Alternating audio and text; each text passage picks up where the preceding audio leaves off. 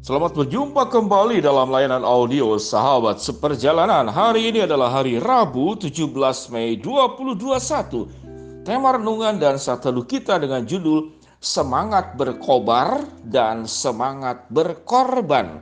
Berkobar dan berkorban. Firman Tuhan terambil di dalam Amsal 18 ayat yang ke-14. Demikian bunyi firman Tuhan. Orang yang bersemangat dapat menanggung penderitaannya tetapi siapa yang akan memulihkan semangat yang patah? Mazmur 73 ayat 26 Sekalipun dagingku dan hatiku habis lenyap Gunung batuku dan bagianku tetaplah Allah selama-lamanya. Mari kita berdoa. Bapak yang di dalam surga kami menyadari bahwa tatkala kehilangan semangat maka itu jauh lebih berbahaya daripada kehilangan banyak aspek dalam hidup ini, mungkin kehilangan pekerjaan, mungkin kehilangan kesehatan, mungkin kehilangan peluang ataupun kehilangan-kehilangan orang yang kami kasihi. Kami serahkan ya Tuhan agar sahabat seperjalanan punya semangat yang berkobar dan semangat juga yang berkorban. Di dalam nama Tuhan Yesus kami berdoa. Amin. Shalom sahabat seperjalanan yang dikasih Tuhan, semangat yang berkobar seperti api yang menyala dan semangat yang berkorban adalah semangat bagaimana untuk bisa memberikan kebaikan dengan kita mengorbankan sesuatu yang ada pada diri kita. Sahabat seperjalanan yang dikasih Tuhan, bagi saya ada satu ayat yang sangat menakutkan sebenarnya, yaitu Ayub 17 ayat 1 apa yang dikatakan di dalam Ayub 17 ayat 1? Ini adalah ungkapan daripada hati Ayub. Bunyinya demikian, semangatku patah, umurku telah habis, dan bagiku tersedia kuburan. Coba bayangkan, kalau ada orang yang pertama kali membaca Alkitab pas buka, lalu tutup mata, lalu tunjuk dengan telunjuk tangannya, lalu menuju kepada Ayub 17 ayat 1 yang bunyinya, semangatku patah, umurku telah habis dan bagiku tersedia kuburan. Waduh, ini ayat menakutkan. Sangat menakutkan kalau ayat ini berdiri sendiri. Namun bagaimana ayat Ayub ini berbicara tentang janji Allah yang menyertai dan juga tentang Ayub yang hidupnya berani berkorban di dalam mengikuti Tuhan sekalipun dia kehilangan segala sesuatu.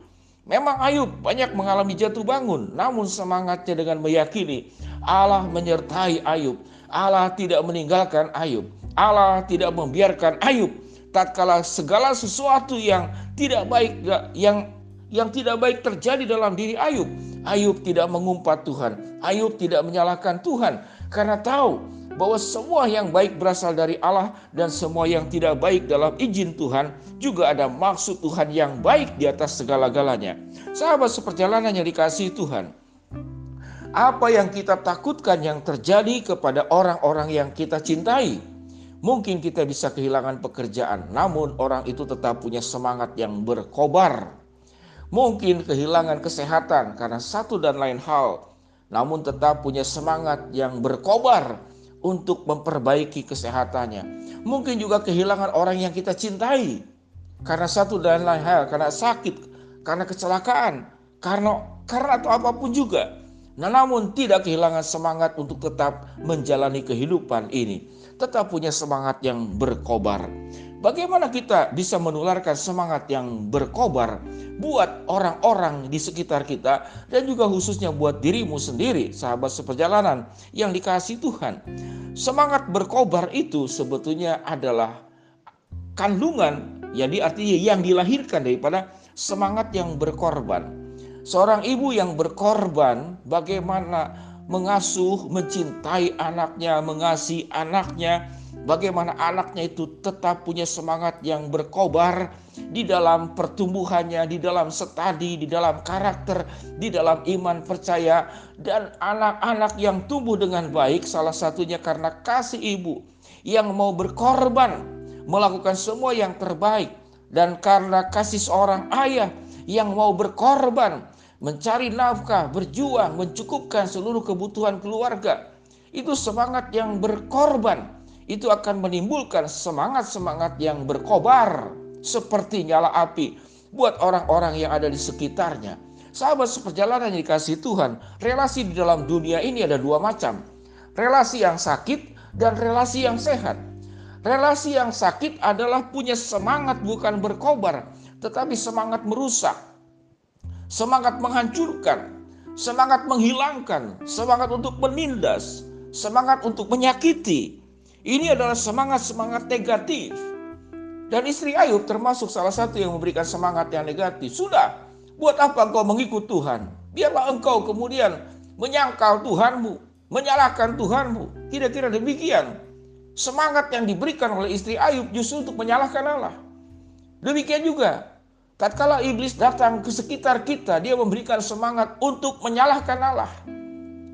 Memberikan semangat untuk kau mengakhiri hidupmu, untuk meninggalkan Tuhan. Untuk menyalahkan Tuhan. Kira-kira demikian. Dan di dalam lingkungan kita juga sama. Kita akan bertemu dengan orang-orang yang memberikan semangat yang menyakitkan. Semangat yang kemudian merusak kehidupan kita melugikan, mencelakakan, dan merusak. Bagaimana cara orang itu memberikan katakanlah hal-hal yang negatif untuk mematahkan semangat kita? Yaitu dengan cara menghina, dengan cara merendahkan. Dia menipu, memberikan janji palsu, dengan cara membedakan, dengan cara meninggalkan engkau, mengkhianati engkau padahal sudah hidup bersama dengan mereka sekian lama, menusuk dari belakang, bermuka dua, ular kepala dua, memanfaatkan, atau body shame. Bagaimana kemudian mentertawakan kelemahan-kelemahan dalam tubuhmu. Mengungkit-ungkit masa lalu yang sudah selesai yang tidak pernah di, diungkit-ungkit kembali, tidak mengampuni. Atau engkau ditekan, engkau tidak berdaya untuk melawan. Engkau ditolak, engkau disindir, engkau digosipkan. Ini adalah semangat manusia berdosa yang ditaburkan bukanlah membuat semangat berkobar, namun membuat orang itu patah semangat, membuat orang itu patah arang. Ingatlah sahabat seperjalanan yang dikasih Tuhan. Kita dipanggil sebagai duta-duta Kristus di dalam dunia ini. Kata-kata kita, perkataan kita, tingkah laku kita, sikap kita, integritas kita, komitmen kita, tanggung jawab kita. Tatkala kita itu menjadi anak-anak Allah, maka kita akan memberikan semangat yang berkobar dan semangat yang berkorban. Bagaimana kita tidak mementingkan diri sendiri, namun kita bisa memberkati orang lain.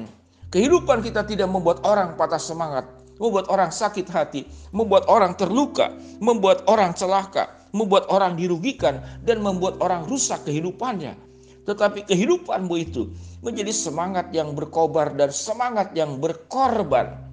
Sehingga yang kau tularkan adalah semangat bagaimana memuji Allah, semangat bagaimana bersyukur di dalam kesulitan yang paling sulit sekalipun.